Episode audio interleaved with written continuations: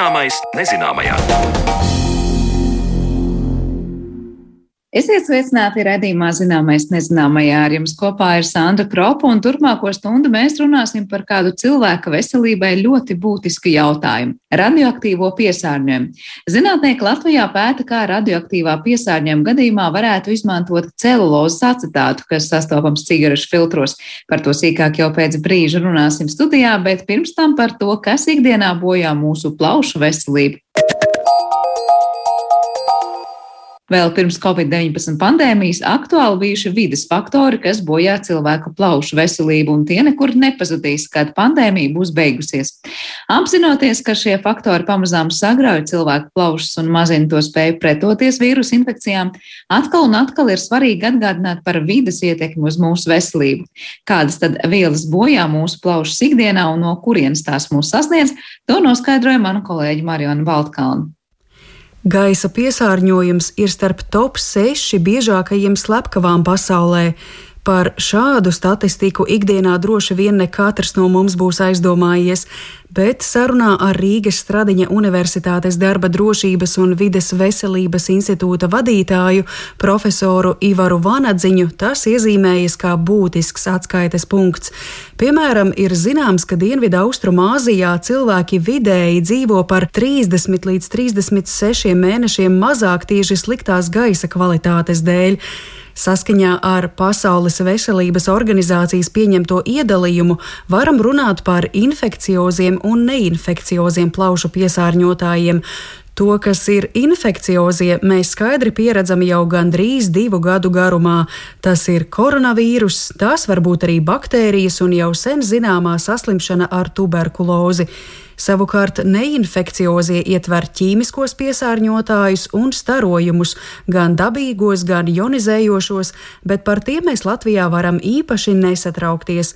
Līdz ar to mēs nonākam pie ķīmiskajiem piesārņotājiem, par ko arī pie mums būtu daudz vairāk jārunā un jāsatraucas, un par to plašāk stāsta Ivars Vanadziņš varētu vienkārši teikt, tā, ka pamatā šeit ir nu, tādas, tādas divas lielas grupas. Jā, tā pirmā grupa ir tas, ko mēs saucam par putekļiem. Teiksim, ko ziņās arī piemin PM10, PM2,5, tās tās putekļu daļiņas. Nu, tie vēl sīkākie, vēl mazāki par 2,5 ir vēl bīstamāki. Un pašlaik arī Eiropā, un ne tikai Eiropā, protams, daudzās pasaules valstīs arī mēģina saprast, kā tos īsti noķert, izmērīt, nonormēt, ja, lai saprastu, kas labi vai slikti. Tos mēs visdziļāk ieelpojam. Tā kā pirmā daļa tie putekļi. Ja. Un tad otra daļa ir tas, ko mēs tā tādā tautas valodā saucam par ķīmiskajām vielām. Ja, šeit tie lielākie aizdomās turamie ir, piemēram, slāpekļa oksīdi, fenspirēns, kas ir teiksim, raksturīgs centrāla Eiropai, kur olas joprojām daudz izmanto apkurē, nu, piemēram, Polija. Varbūt mēs neaizdomājamies, tas pats ozons, ja, ko mēs parasti pieminam ļoti pozitīvi. Tāda pozitīva noskaņa, ka ozons ir vajadzīgs, ja, jo viņš to ultravioleto starojumu aiztur. Bet ozons ir labs augšā debesīs, ja, kur viņš to starojumu tiešām aiztur pie zemes. Viņš ir tas, kurš pirmkārt pats ir kancerogēns, un otrkārt viņš arī izraisa tās eh, fotoķīmiskās reakcijas, kas ir tie fotoķīmiskie smogi pilsētā gaisā. Ja, tie ir tie īsti bīstamie. Ja. Nu, tad ir niķelis, svins, kadmijs, arsēns, eh, benzols. Ja, nu, dažni vēl kādu varētu saukt. Tie ir tie nu, samērā plašā klāstā atrodamie ķīmiskie piesārņotāji. Katram kaut kāds savs nianses, daudz viņi tur kopā čupojās un draudzējās viens ar otru, ja, un iesaistās procesos, un viņi arī viss tālāk reaģēja. Un tas mēs tiešām ļoti, ļoti labi ieelpojam. Jā, un tad dažs jautājums, kur tas viss radās? Nu, pamatā tātad pilsētvidē, protams, tie lielie tipiskie aizdomās turamie ir transports. Viss tas, ko mašīna pats vai gaisā braucot, tad arī nu, izmešos, tad tur ir slāpekļi un sērs. Nu, sērs, protams, mazāk mūsdienās, bet nu, tāpatās kaut kur trāpās. Tagad tas ir viens transports noteikti, pēc tam autotransports primāri, jo tā dzelzceļā faktiski mums nav pārāk daudz. Un, protams, ka nu, dzelzceļā varbūt tas, ka tur ir svarīgi kādas kravas vēl pārdājumi no tām kaut kas mēdz nobirt vai iztvaikot vai izgarot. Ja. Un tad otrs Latvijas apstākļos, un pat Centrāla Eiropa un Ziemeļa Eiropa, tāda ļoti būtiska daļa tiešām ir apkure, apkures izmantošana. Ja. Un, Un šeit tiešām arī mēs pagājušajā gadā eksperimentālos apstākļos veicām arī dažos Rīgas mikrorajonos, nu, apkurses periodā mērījumu reizes dienā, kas tur nāk ārā. Ja, un jāsaka, tad nu, tiešām arī SS portālā slavenajā un pazīstamajā pie apkurses vai pie malkas var redzēt sludinājumus, kur tirgo uz izvešanu, tunēt vecas mēbeles, dedzināšanai un tam līdzīgas lietas, kas vienkārši ir pilnīgi atvainojiet vaiprāts. Ka to visu tiešām arī kurina. Un tas ir tas, kas ir atbildīgs par to smaku. Teiksim, mēs izējām tādā, nezinu, ziepnieku kalnā vai jūglas privātmā rajonā, tur tās no rītiem vai vakaros, kad tur tā gaisā tāda speciāla, specifiska smaka, ja, tad izlietotās eļļas ir dedzināts. Ja, un tas ir ļoti, ļoti būtisks avots. Gan transports, gan apkure ir būtisks avots putekļiem, cietajām daļiņām. Kvēpi, jeb sīkās sodrēju daļiņas atrodamas izplūdes gāzēs. Tāpat ikdienā droši vien reti būsim aizdomājušies, kur tad paliek riepas pēc, piemēram, divām sezonām. Bet, ja mēs ar plaukstu pasmeltu sauju gaisa, tad plaukstā nonāktu cietās daļiņas arī no nobrauktajām riepām. Apkurē cietās daļiņas ir dūmi, un mājokļos skursteņiem speciālu filtru nav. Tas, kas tiek sadedzināts nepareizā temperatūrā, nonāk ārvidē. Cietās daļiņas veidojas arī no izsmēķiem. Tāpat no visiem trim pieminētajiem transporta, apkures, izsmēķiem nāk kancerogēni savienojumi, taču ne visi cilvēki ar tiem saskarsies. Piemēram, būšanai smēķētāju vai nesmēķētāju vidē būs svarīga loma. Tie kancerogēni, nu, viņi īstenībā ir ļoti daudz, kur, nu, piemēram, tas pats benzols, jā, viņš jau arī faktiski joprojām ļoti nedaudz, bet ir degvielā, degvielas sadegšanas produktos. Un vēl viena tā lielā bīstamība, ko es arī pieminēju, šo fotoķīmisko smogu, tās reakcijas. Tur ir ļoti, ļoti liela bīstamība, jo tas pats gan ozons, ja tad viņš šai ļoti veiksmīgi reaģē tālāk. Un tur arī radās nu, tāda ļoti grūti aprakstāma viela, no kurām daudzas arī ir vai nu potenciāli vai pierādīti kancerogēni. Un tas pats benzpērēns arī ir kancerogēns, kas ir tātad, nu, šie sadīšanas produkti.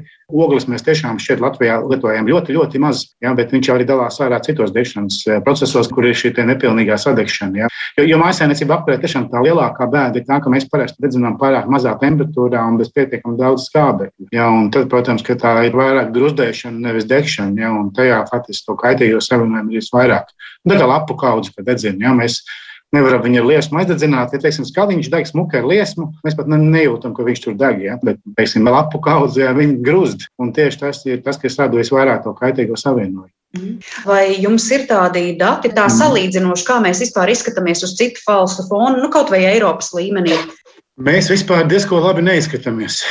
Faktiski jāsaka tā, ka teiksim, tas riska rajons ir teiksim, Polijas, Dienvidu, Itālijas ziemeļi, tie divi tādi lielie industriālie reģioni. Un tad ir faktiski mēs un bišķiņ kaut kāda Skandināvija. Nu, Skandināvija, protams, ka mazākā mērā, un mēs, jo mums faktiski pirmkārt nav tādas mērķiecīgas rīcības, nu, labi, varbūt tagad jaunajās uh, vidas aizsardzības pamatnostādnēs kaut kas būs tāds konkrētāks. Ja? Bet mums, piemēram, joprojām var mierīgi dedzināt mēbeles krāsnī, ko, piemēram, tādā pašā nu, Stokholmā pamēģiniet izdarīt. Ja jums būs uh, Jūs vienkārši izliksiet visām atvainojiet jūsu mantām no pašvaldības ja, un aizliegs iebraukt nākamos 50 gadus. Mums ir tāds, nu, faktiski patiesās prasības formāli ir tur, kur viņas ir un tik, cik viņas ir, viņas nevienmēr tiek tā ļoti stingri ievērotas. Saskaņā ar Eiropas ekspertu uzskatiem gaisa kvalitātes dēļ gadā tiek zaudēti 1700 cilvēku priekšlaicīgi, un tas pat ir vairāk nekā bojā gājušo skaits uz ceļa 2020. gadā. Pašlaik pasaules uzmanība pievērsta ANO klimata konferencē Glāzgovā, Skotijā, un no vienas puses Latvija nav tāds industriālais reģions kā Ķīna, Polija vai Itālijas ziemeļu daļa, turklāt gaisa kvalitāte ārpus galvaspilsētas daudz viet Latvijā ir laba, bet no otras puses, kā redzams, arī mums dati ne visā spēlē par labu. Kā sarunā norāda Ivars Vanadziņš, tad veca ķeblīša sadedzināšana laukos būtiski kaut ko uzreiz nemainīs, taču summāri mēs esam daļa no pasaules un galu galā arī ķeblītis kaut ko ietekmēs. Profesoram tālāk vaicāju, kuri piesārņotāji tad visvairāk grauj mūsu plaušu veselību. Nav tāda viena recepte vai viena atbilde, bet es tomēr teiktu, tā, ka tā secība, tā prioritāte būtu droši vien tāda, ka viss ļaunākais, protams, ir kancerogēnās vielas. Benzpirēns, ozons, tās ir tās, kas tiešām nogalina priekšlaicīgi un nogalina ar ļoti augstu ticamību. Bet otra lielā grupa, es tomēr teiktu, ir putekļi, jo to iedarbību mēs faktiski vismazāk pamanām un vismazāk par viņu uztraucamies. Un tikko tie putekļi ir jo, jo sīkāki, jo ļaunāki. Un tas, par ko arī teiksim, tie Eiropas vidas speciālisti uztraucās, ir par tiem saucamiem ilgtermiņa iekaisīgajiem procesiem. Respektīvi, ir plaušās nepārtraukti drusku tāds gruzdošs iekaisums. Visu laiku viņš ir. Jā, un kas nozīmē to, ka mēs faktiski visu laiku zaudējam plaušas. Un attīstās tās, nu, tā slimība grupa, ko sauc par HOPS, hroniski obstruktīvu plaušu slimību. Mēs tie zūd, nu, tā ļoti primitīvi runājot, zūd plaušu elpošanas virsmu. Un tad, protams, kad arī jebkura cita kaita, viņa ir bīstamāka, jo mums nav šīs spējas viņai pretoties, nav spējas piesaistīt skābekli.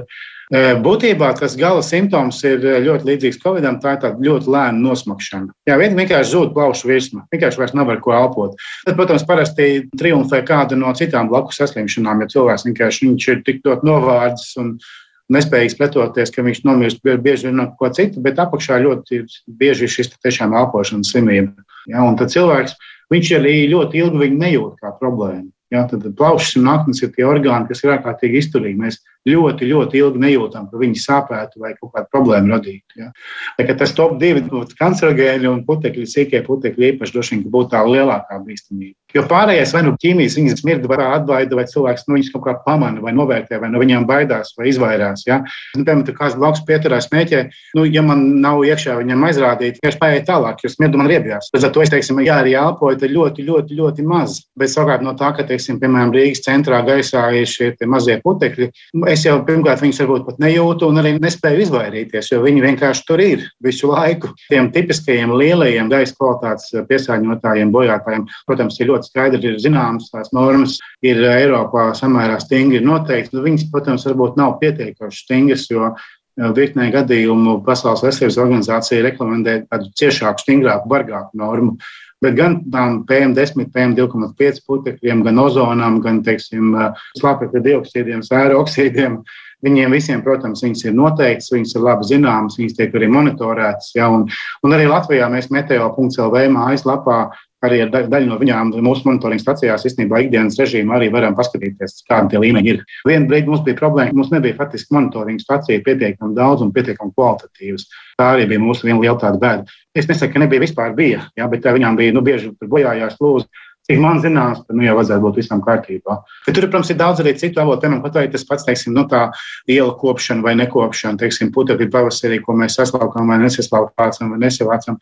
Tur ir ļoti, ļoti daudz lietu, ja, un arī, teiksim, telpu veidināšana. Jo jāatcerās, arī, kad mēs īpaši šo mājasēdes režīmu, jā, teiksim, mums ir vecs paklājs pilns ar putekļiem, jā, un mēs viņu tur regulāri netīram mēs jau arī tur dabūjām to savu putekļu devu. Ja? Tā kā mēs tie, nu, kā piemēru minot. Mums jau pat nav jāiet ārā pēc tiem putekļiem, ja mums viņi ir mājās. Kā, protams, transports, apkūre, smēķēšana, nepareizi, teiksim, kaut kādu tīrīšanas līdzekļu lietošana, nepareizi virsmas segumi, tie visi mums kopā summējās. Vispār par tām plaušu alveolām tās mums atjaunojas un cik ilgā laikā? Nē, nekad. Nekad ne maz un ne cik. Tas ir tā, kā mēs studentiem sakām, tā kā futbola laukums. Ja mēs izrullējam plaušas uz, uz grīdas, ja, iedomājamies futbola laukumu izmērus. Viena tā zāles stiebiņš ir viena alveola. Ja mēs, teiksim, uzsmēķējam, ieelpojam sīku putekli, viņš to alveolu piebeidz. Tur nav ceļa atpakaļ. Nekāda, ne maz, ne cik un nekad. Jā, viņš zūd. Viņš ir uz visiem laikiem pazudis. Tas ir tiešām tik nopietni. Ja, tur mēs varam dzert vitamīnus tādus vai, vai maksāt jebkuru naudu. Nav variantu. Vienkārši nav variantu. Daudz no tiem esmu veselīgs un dzeru vitamīnus, man laba dabiskā imunitāte, nenojaušu, kāda ir tā viņa plaušu veselība īstenībā. Ja? To viņi īsti nekad nevar zināt, ja viņi nav bijuši ļoti mētiecīgi un specifiski pārbaudīties. Visbeidzot, man tad arī gribētos jautāt, eh, kas tad ir tie labākie paņēmieni, ko darīt. Viens, protams, ir vidas monitorings, kas ir jau pilsētu un valstu tādā pārvaldības līmenī darāmi darbi, bet tādos individuālos eh, veidos eh, vai maskas varbūt mums ar laiku arī kļūst par ikdienas sastāvdaļu. Dažās valstīs jau ir. Dažās valstīs ir un īstenībā, piemēram, arī nu, mēs pieminām bieži vien to pašu Ķīnu vai Japānu, kur viņi tajos maskās vai pirms tam staigāja. Diezgan tiešām jāpiebilst, ka viens no tiem iemesliem, kāpēc viņi staigāja, piemēram, tajā pašā Ķīnā, viņiem tās maskas, piemēram, ir specifiski domātas tām PM daļiņām, jo viņiem tā gaisa kvalitāte tiešām mēdz būt dramatiski slikta.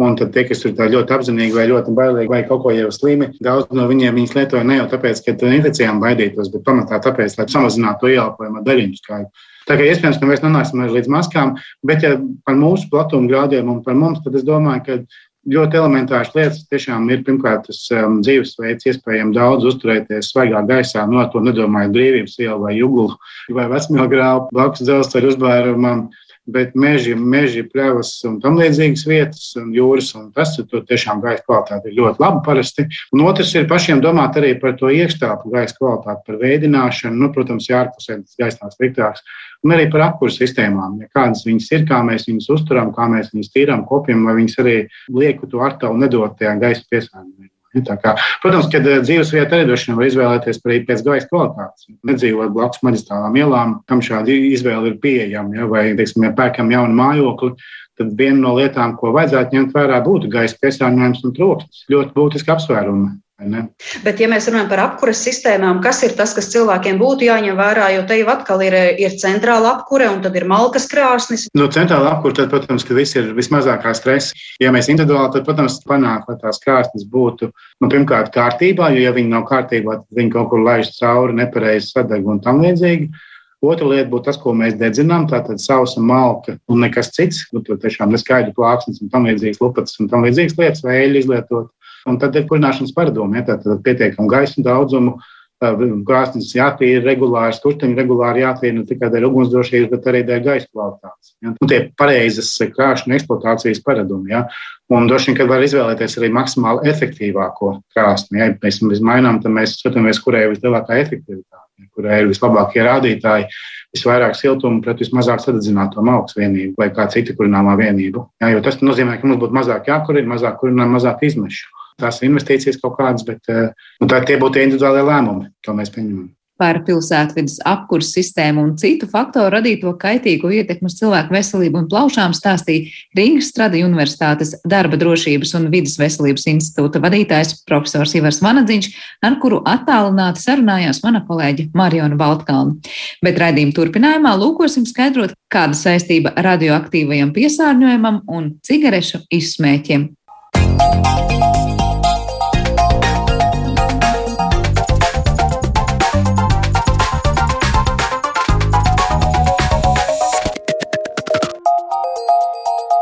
Zināmais nezināmajā.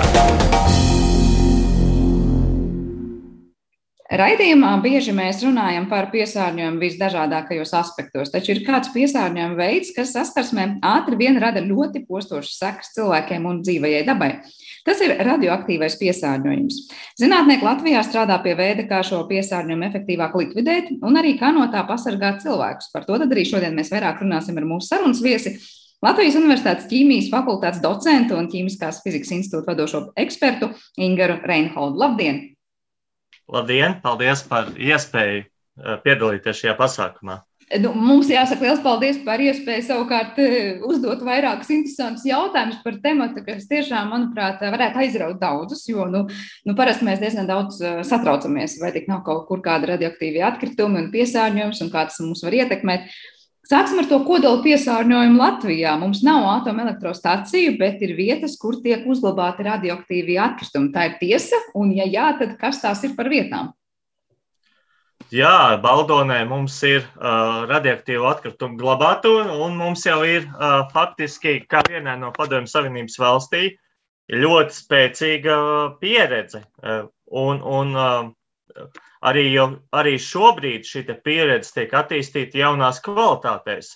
Tā, tas ir uh, mūsu salaspils kodola reaktors, kur uh, ļoti ilgus gadus tika veikti ļoti plaši pētījumi saistībā par uh, radiāciju, un 2004. un 2008. gadā, divus gadus pēc kārtas ar ASV atbalstu tika izvesti šie radioaktīvie atkritumi. Jā, bet tas, kas palika pāri, ir lieli, nu, samērā lieli krājumi radioaktīvais ūdens, jo radioaktīvais ūdens tika izmantots, lai dzēsētu šo te, nu, reaktoru ja, darbības procesā. Un te, tā ir milzīga problēma, kas ir joprojām saglabājusies attiecībā par šo te uh, radioaktīvo atkritumu uzglabāšanu, šī reaktora likvidēšanu. Runājot par šo ūdeni radioaktīvo, cik daudz tas ir un kurā, kurā vietā un kādā apjomā tas tiek glabāts, un vai mums ir pamats bažām, ka nu, mēs nonākam kaut kur saskarsmē ar kaut kādām šīm bīstamajām vielām tieši no šī ūdens? Nu, iet runa par vairākiem, vairākiem nu, simtiem, es tādu nepateikšu precīzi, precīzus daudzumus, tad iet runa par šiem te atkritumiem, kas vēl ir palikuši Salaspils kodola reaktora bijušajā šajā teritorijā. Un palēnām tiek veikta viss šie uzraudzība, monitorings, bet, bet ņemot vērā to, ka šis metāla mucas laika gaitā var korodēt, tad, protams, pastāv risks šim te ūdenim nonākt apkārtējā vidē. Ņemot vērā plašāk šo problēmu, tad ārzemēs ļoti plaši tiek veikti arī pētījumi Fukushimas gadījumā, ja, un, un, un, un, un citu kodolreaktoru atkritumu savākšanā.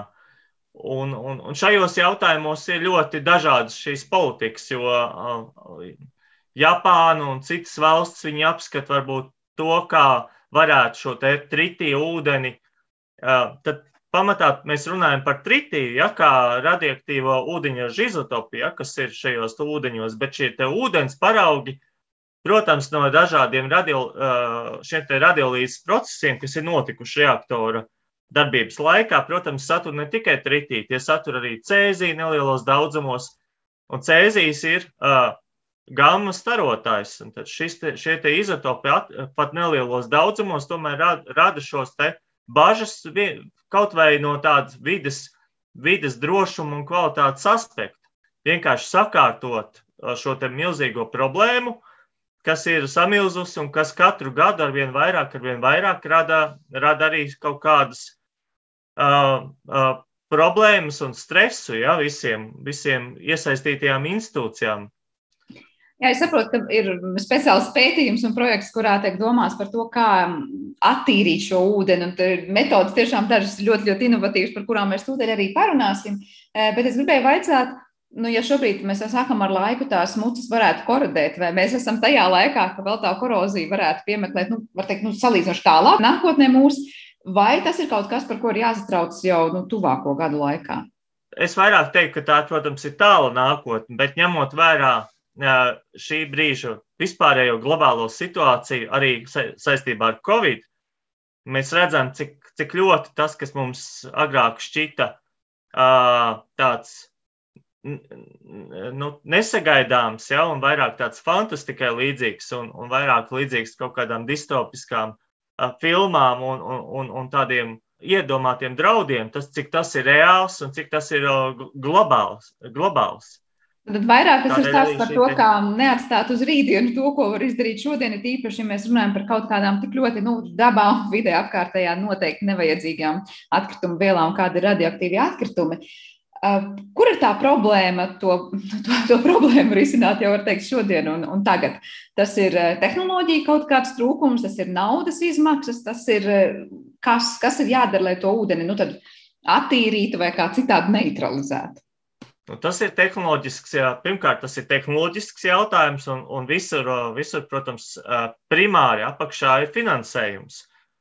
Un, ja mēs paskatāmies arī šīs preses relīzes, kas ir arī uh, uh, gan starptautiski, gan vietējos uh, preses izdevumos, nu, tās parāda to, ka arī pēdējos gados uh, šis finansējums ir piešķirts, tad tas ir novirzīts citiem mērķiem, uh, aktuālākiem.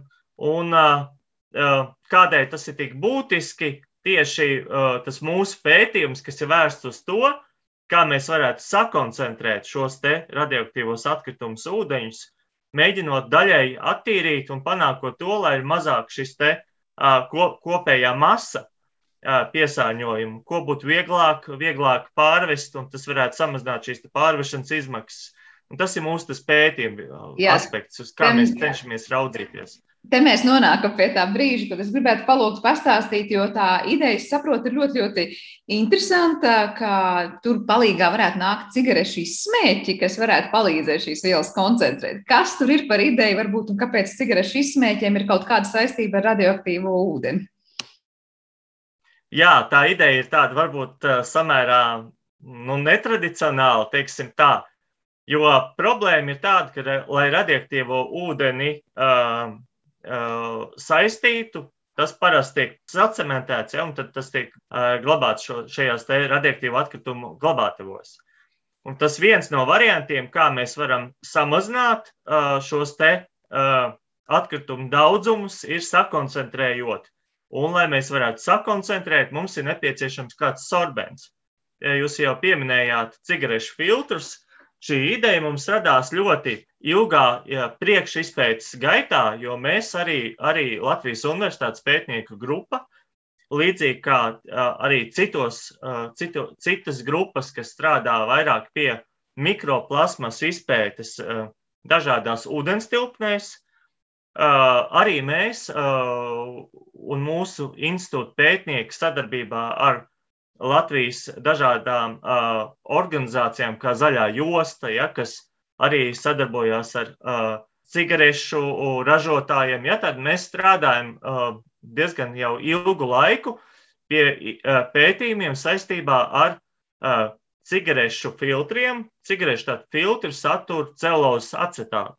Nu, tāds viens fakts, cigarešu viens izsmēķis, ja nonākot uh, ūdens vidē, faktiski rada piesārņojumu 7,5 litriem ūdens. Tas ir samērā satraucoši. Un ņemot vērā šī brīža vispārējo politiku, mums Latvijā joprojām nu, ir aktuāla šī atkrituma glabāšana šajos te, nu, getliņos. Daudz kur pasaulē cenšas šo problēmu par atkritumiem risināt atkritumus sadedzinot. Bet tātad mēs izējot no šīs situācijas, ļoti būtiski ir sadarbība arī starp šiem atkritumu pārstrādātājiem, arī Getliņa, SIA Getliņa, ja, ECO. Latvijas universitātē bija tāds kā priekšizpētes projekts, kā rezultātā tika izpētīta mikroplasmas veidošanās, uzkrāšanās, un tas secinājums bija tāds, ka šajos te atkritumos pēc tam, kad, eh, kad veidojās šis sadalīšanās produkti, ja šķidrā formā, netika atklāta celulozes acetāts. Ņemot vērā, ka cigarešu filtri ir tik lielā daudzumā, eh, tālāk no tā attīstījās ideja un tika izstrādāta tehnoloģija, kā cigarešu acetātu, cigarešu filtrus var noārdīt. Man mazliet precizējošs jautājums. Es saprotu, ka izsmēķos cigarešu filtros ir šis celulozes acetāts, kas pats par sevi ir diezgan kaitīgi un mums apkārtējā vidē nevajadzīga viela, ja tā var teikt. Ja? Nu, radoša, piesa, piesārņojuma radoša viela. Tajā brīdī, kad uh, tie atkritumi tika kopā skatīti un tur neatrada to acetātu, mēs runājam par šiem radioaktīvajiem atkritumiem vai kaut kādām tādām akcijām. Nē, mēs runājam, es varbūt tā īsi pārstāstu, kā mēs nonācām pie šīs idejas. Un šī ideja attīstījās uh, izsecinot to, ka mums uh, tātad ir celulozes acetāts, kas ir izmantojams gan šķiedrās, ja, gan materiālos audumā, un šo matricu attiecīgi varētu iespējami mēģināt pārstrādāt.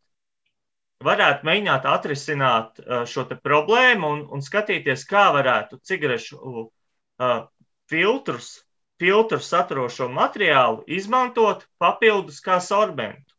Bet kāda tad ir ideja šobrīd? Nu, piemēram, ja mums ir šis radioaktīvais ūdens, kas ir, es nezinu, cik litros un kā tas tiek mērīts, un katrā ziņā kaut kādas mucas, kas Latvijā atrodas un par kurām ir jādomā jau laikus, ko darīt, lai tās nekorodē un nenonāk apkārtējā vidē, tad ideja ir šos filtrus vai filtru saturošo materiālu apzināti ievietot šajos, te, es nezinu, radioaktīvā ūdens um, apjomos un mēģināt tādā veidā koncentrēt ārā gan to cēziju, gan tritiju un vispārējo, vai kāda ir tā ideja?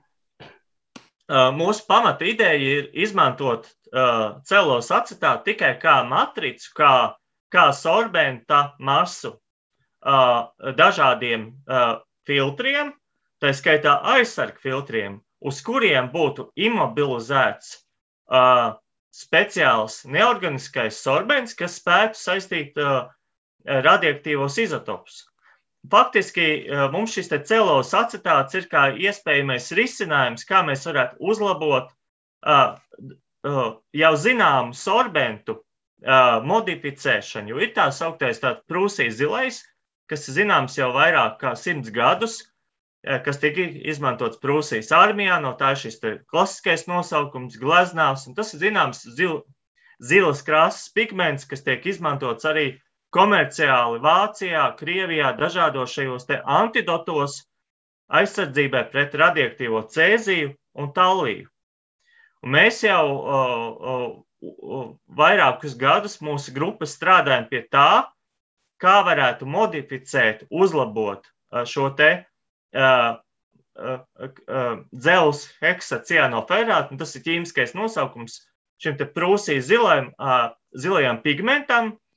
Un tādēļ mēs paralēli šiem pētījumiem nonācām pie tā, ka mēs varētu uznest šo prūsīs zilo vai imobilizēt, uzklāt ķīmiski uz celulozes acetātu. Tādējādi mēs varētu ne tikai panākt šo sorpciju, bet pielietot šo celulozes acetātu arī kā tālākos pētījumos, kā materiāli, kas būtu noderīgs, piemēram, sejas maskām, ja? aizsardzībai pret radioaktīvo piesārņojumu kodola incidentu gadījumos, kas šobrīd, ņemot vērā arī šī brīža uh, politiku un, un uh, vispār pasaulē kopumā, šo globālo problēmu par uh, radioatkri, uh, radioaktīvo atkritumu uh, nokļūšanu apkārtējā vidē, uh, par dažādu šo arī iespējamu kodoldraudu, riskiem apkārtējā vidē, tā skaitā arī mūsu kaimiņu dažādiem šiem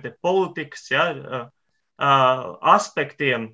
Tādēļ mēs arī ļoti globāli centāmies skatīties uz šo problēmu, kā mēs varētu no it kā sliktā, jo mēs zinām, ka celos acetāts, tad šie cigarešu filtri, tā ir lielākā problēma, un mēs esam izstrādājuši šo te nu, tādu, mūsuprāt, labu risinājumu, kā mēs varam noādīt tieši šajos te atkritumu poligonos, izmantojot šo te pašu principu, šos te celos acetātu. Un tas, to mēs arī bijām arī vēstījuši mūsu arī kolēģiem, jo mēs nekad neslēpjam, jo arī šiem, uh, šīm nevalstiskajām organizācijām, kas sadarbojās un, un, un, un, un veic šos pētījumus, gan hidroekoloģijas uh, uh, institūts un daudz, daudz citu šīs institūcijas. Mēs arī esam stāstījuši par saviem šiem pētījumiem.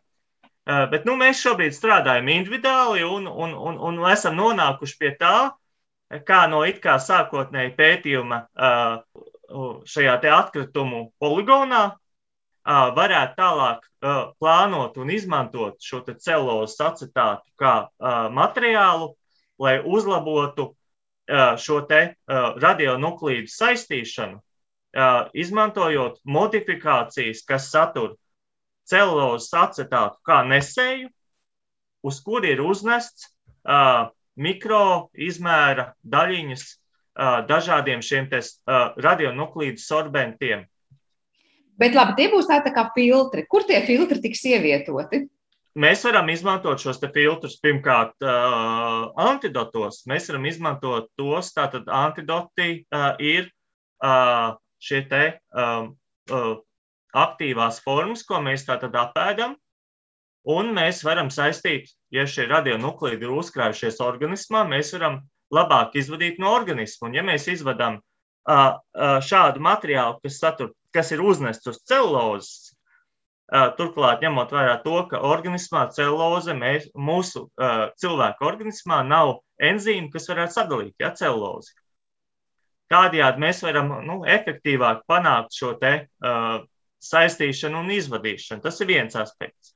Otrs, mēs varam arī izveidot kā uh, aizsargu filtrus vai maskas. Uh, tas, ko mēs šobrīd uh, darām ar, ar šiem sauspils ūdeņiem, ja, mēs te, testējam kā mēs varam izmantot šo sorbentu, lai uzlabotu uh, radioaktīvā cēzija, ma mazu koncentrāciju radioaktīvā cēzija uh, izvadīšanu no Sauspils ūdens. Nu, šobrīd pētījumi liecina, ka diezgan ir augsta šī efektivitāte. Jā, es tieši gribēju vizualizēt, kā tas varētu izskatīties. Ja šobrīd tās ir kaut kādas mucas ar, nu, teiksim, tā radioaktīvu, ne, nu, netīru ūdeni, tad tajā brīdī, nezinu, tas būs kaut kāds objekts, ko jūs ievietosiet tajās mucās, un tas koncentrēs to visu piesārņojumu un padarīs to ūdeni mazāk toksisku, un līdz ar to jūs to pārbaudīsiet, kā to tālāk utilizēt vai kā.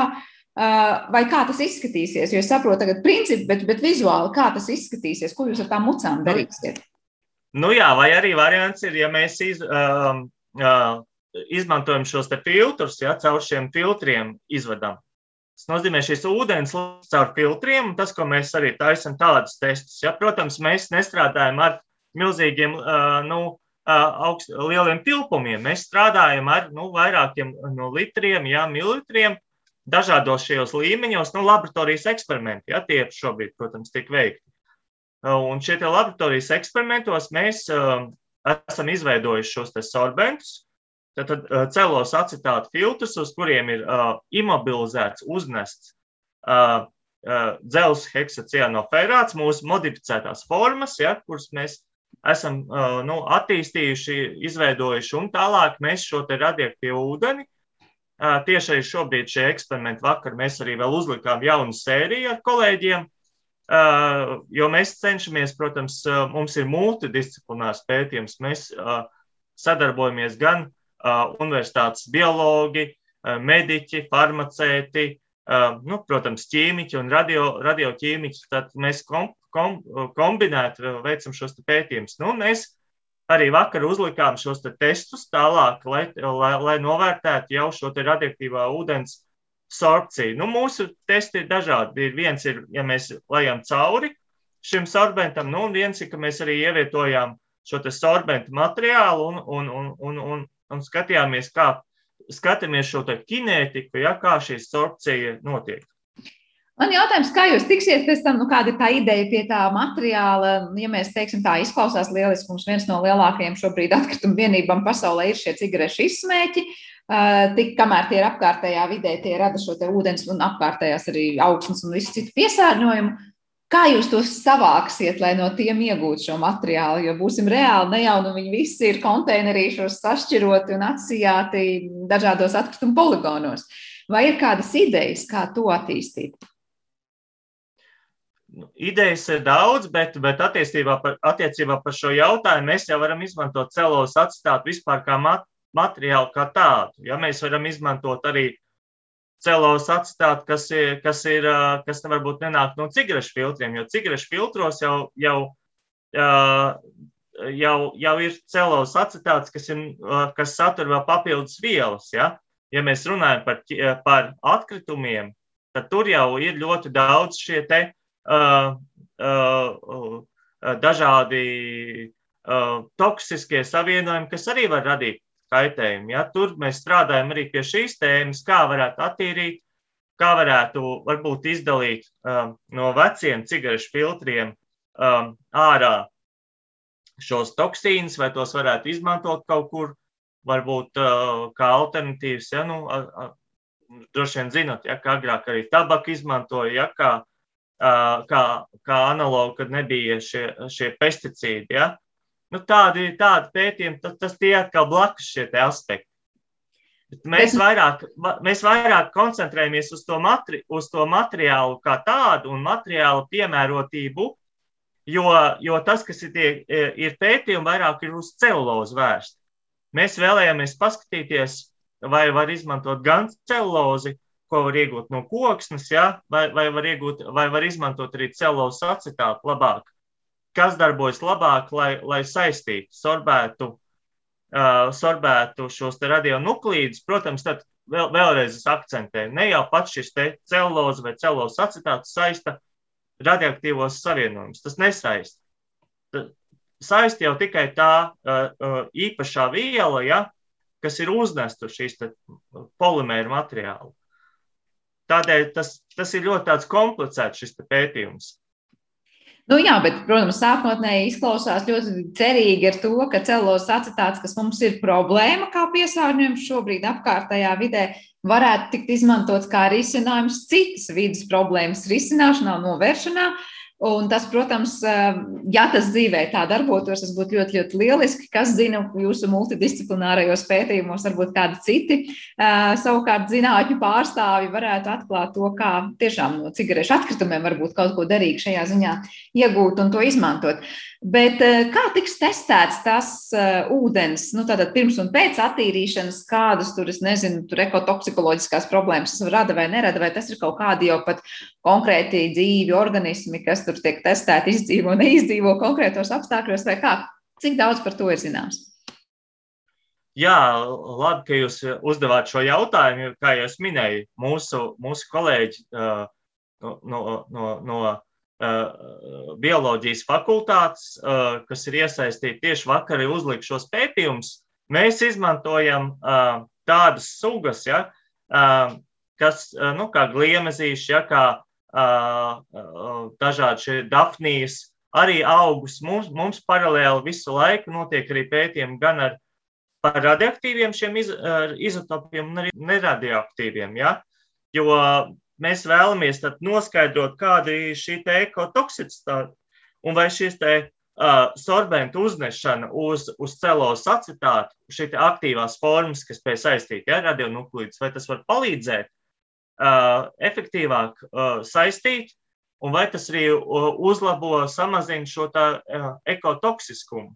Šādi eksperimenti mums arī, protams, paralēli notiek. Tādēļ es arī minēju šo starpdisciplināro pētījumu virzienu. Mēs cenšamies tā pētīt gan šo ķīmisko daļu, sorpcijas eksperiments, gan arī uh, visu laiku paralēli veicam šos te uh, pētījumus. Uh, jo, ja, ja, ja mēs iemetam uh, kādā, piemēram, ūdenī, ja, kur atklātā ūdens tilpnē, Tad jau, protams, šie radioaktīvie izotopi var būt arī sorbējušies uz, uz augiem, ja, uz dzīvajiem organismiem. Un jautājums, vai mēs varam arī no tiem samazināt šo piesārņojumu.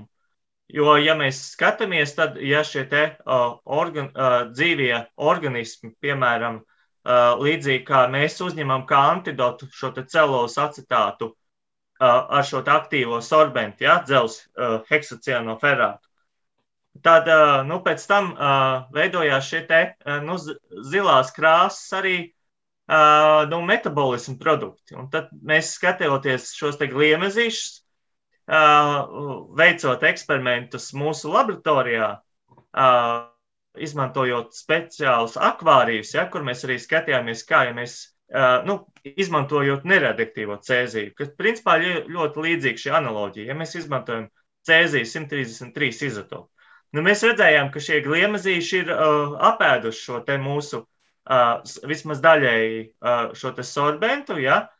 To varēja redzēt pēc šiem metabolismu produktiem, ja pēc ēšanas, ka tur tāds kāds zili graudiņi ja? apakšā, kur ir. O, tas, ir uh, nu, tas nozīmē, ka faktiski viņi ir uh, nu, sevi kaut kā aizsargājuši. Un šobrīd mums ir uh, tiek veikti šie mērījumi, lai mēs saprastu par to, cik liels ir tas procents cik mēs varam arī samazināt šo potenciālo uh, radioaktīvā cēziju, nu, šobrīd arī neradioaktīvā cēzija, bet vispār šo ideju, ja kā tādu, cik mēs varam samazināt procentāli arī uzņemšanu augiem vai dzīviem organismiem, izmantojot šos sorbentus. Ja tie ir uh, paralēli šajā vidē, un ja tie kā, kā antidoti, ja tos uzņem ne tikai cilvēks, ja, bet piemēram dzīvi organismi arī. Man tajā visā klausoties, tomēr beigās ir viens tāds jautājums, ja jau šis te celulozes acetāts ir patiesībā nevis viela, kas novērš to piesārņojumu, proti viņu absorbē, viņa vienkārši palīdz to izdarīt. Ja es saprotu, tā ir tāds, tā tāds nesējs tām vielām, kas reāli to izdara. Nesējs, jā. Šķietrs, tas ir šķietrs, polimērs šķietrs. Jā, tad kāpēc par šo nesēju ir tomēr vērts izmantot šo materiālu? kurš pats būdams celos atstāts, nu, nemaz nav tas nekaitīgākais. Vai nav tā, ka par to nesēju, tomēr ir vērts izmantot nu, kaut ko citu un nevirzīties šī virzienā? Vai nav tā, ka nu, tas potenciāls risks un draudz eh, tiem organismiem, kas ar to sastopās? Nē, eh, man jāprecizē, varbūt kaut kā sanāca par to uh, kaitīgumu, celos atstāt kaitīgumu. Tad, tad kaitīgums celos acetātam uh, ir tad, ja šis celos acetāts satur uh, piesārņotājus, nu, izsmēķi. Pirmkārt, jau ne jau pats celos acetāts rada šo te toksiskumu, um, kā es minēju, viens izsmēķis, ja septiņos litros ūdens. Rada šīs te visas um, cigarešu uh, sadegšanas produkti, toksiskie savienojumi, kas uz, uh, uzkrājas celos acetātā. Un problēma par celos acetātu ir tāda, ka celos acetāts slikti noārdās apkārtējā vidē. Tas ir tas mūsu pētījums, un tas ir tas pētījums, kāpēc arī citi uh, veids uh, šo izpēti uh, uh, jūrmalās, ja, kur skaita, cik ir šie cigarešu izsmēķi, kā, kāda šī koncentrācija. Ja. Uh, tad tā ir slikta uh, bio noārdīšanās. Tad es pareizi saprotu, ka patiesībā būtu jāsaka tā, kamēr tas celos acetāts nav komplektā ar citām vielām, nav pilns ar citām vielām, tas nav kaitīgs. Tas paliek kaitīgs tad, kad tas sevi ir uztvērs, nu, tad cigarešu izsmēķi gadījumā visu to, kas tajā filtrā paliek. Vai, vai citu, nezinu, vielu gadījumā tās ir tās radioaktīvās vielas vai kas cits. Tad tas ir vienkārši, kā saka, kamēr to tīru vielu ieliek kaut kur kā nesēja, tas draudus eh, nedz organismam, nedz apkārtējai vidē neradīs. Pareizi saprotu? Jā, ar vienu svarīgu piebildi kā jebkurš polimērs, celos acetāts, laika gaitā noārdās. Un šeit ir šī sasaiste arī ar citiem kolēģiem, ja? kādēļ mēs sākam šo pētījumu. Uh, mikroplasmas. Uh, celos acetāts, kā jebkurš cits polimērs, noārdoties apkārtējā vidē, rada mikrošķiedras. Jo viens cigarešu filtrs ja, satur vairākus kā 12,000, ja es ne, nesameloju, šīs mikrošķiedras, un šīs šķiedras noārdoties jau rada šo tālāko mikroplasmas apdraudējumu. Ja mēs runājam, tad, ja mēs kādēļ mēs runājam par šīm maskām, tādēļ, ka maskās pamatā izmanto ko? Izmanto polipropilēnu. Ja? Un polipropilēns tas ir šis te uh, no naftas ja, iegūtais. Tas, tas, tas ir polipropilēns arī slikti noārdās apkārtējā vidē. Plus vēl jautājums, kā šīs šķiedras vai, vai tām nav, uh, kā uzlabot šo noārdīšanu salīdzinot ar, ar polipropilēnu un citiem polimēriem. Uh, tur ir ļoti daudz šie aspekti tieši saistīti ar mikroplasmasu uh, veidošanos. Ja mēs varam panākt to, ka šis sorbents tiek izmantots uh, paralēli citos ja, mērķos, tad mēs samazinām tālāk šo mikroplasmas atkal veidošanās problēmu. Tur ir ļoti daudz šie punkti, kas varbūt izklausās sarežģīti, jā, bet mēs esam visu laiku paralēli darbojamies vairākos šajos virzienos, uh, un vienlaikus mums šie te uh, aktuālie kā vārdi, termini, ja, kā mikroplasmas, celos acetāts un radionuklīdi kopēji saista visus šos virzienus, kuros mūsu pētnieku grupas arī strādā. Nu, jā, skaidrs ir tas, ka, protams, ja to izdotos izdarīt, kā jau es iepriekš teicu, tas būtu lielisks risinājums, kā saka, vienai problēmai un arī otrai problēmai. Bet tad jautājums, cik tuvā nākotnē mēs vispār varam cerēt, ka tas, kas šobrīd notiek mazos apmēros un tilpumos laboratorijas apstākļos, nonāk jau pie reāla pielietojuma dzīvē. Nu, tie ir daži gadi vai tie ir daudzi gadi? Viss ir atkarīgs no starpvalstu sadarbības. Un, ja mēs runājam par, par šiem virzieniem, kā mēs varam celulozu un celulozes acetātu izmantot. Ja mēs runājam tieši par šiem sorbentiem, aizsargu maskām, ja, antidotiem, tad šis virziens mums, liekam lielas cerības uz, uz sadarbību ar arī aizsardzības ministrijas, ja, daudz šo projektu ietveros, un, un, un, un mums ir sadarbība arī ar Čehijas uh, aizsardzības ministrijas universitāšu pārstāvjiem, kur mēs jau, jau cenšamies arī strādāt pie kopsadarbības tālākiem pētījumiem šajos virzienos. Nu, ko, lai izdodas, un es domāju, ka daudzi mūsu klausītāji pievienotos tam, ka būs ļoti interesanti paskatīties rezultātus un būs ļoti interesanti paskatīties šādas te nu, filtrus jau darbībā. Paldies par sarunu. Latvijas Universitātes ķīmijas fakultātes docents un ķīmiskās fizikas institūta vadošais eksperts Ingars Reinholds šodien pie mums bija attālinātajā studijā, ar arī raidījums ir izskanējis, un par to teikšu paldies producentei Paulai Gulbīnskai, mūzikas redaktoram Girstam Bišam. Savukārt jums kopā bija Sandra Kropa un vēlot jauku dienu un tās turpinājumu. Nu, jums atvedos visu labu!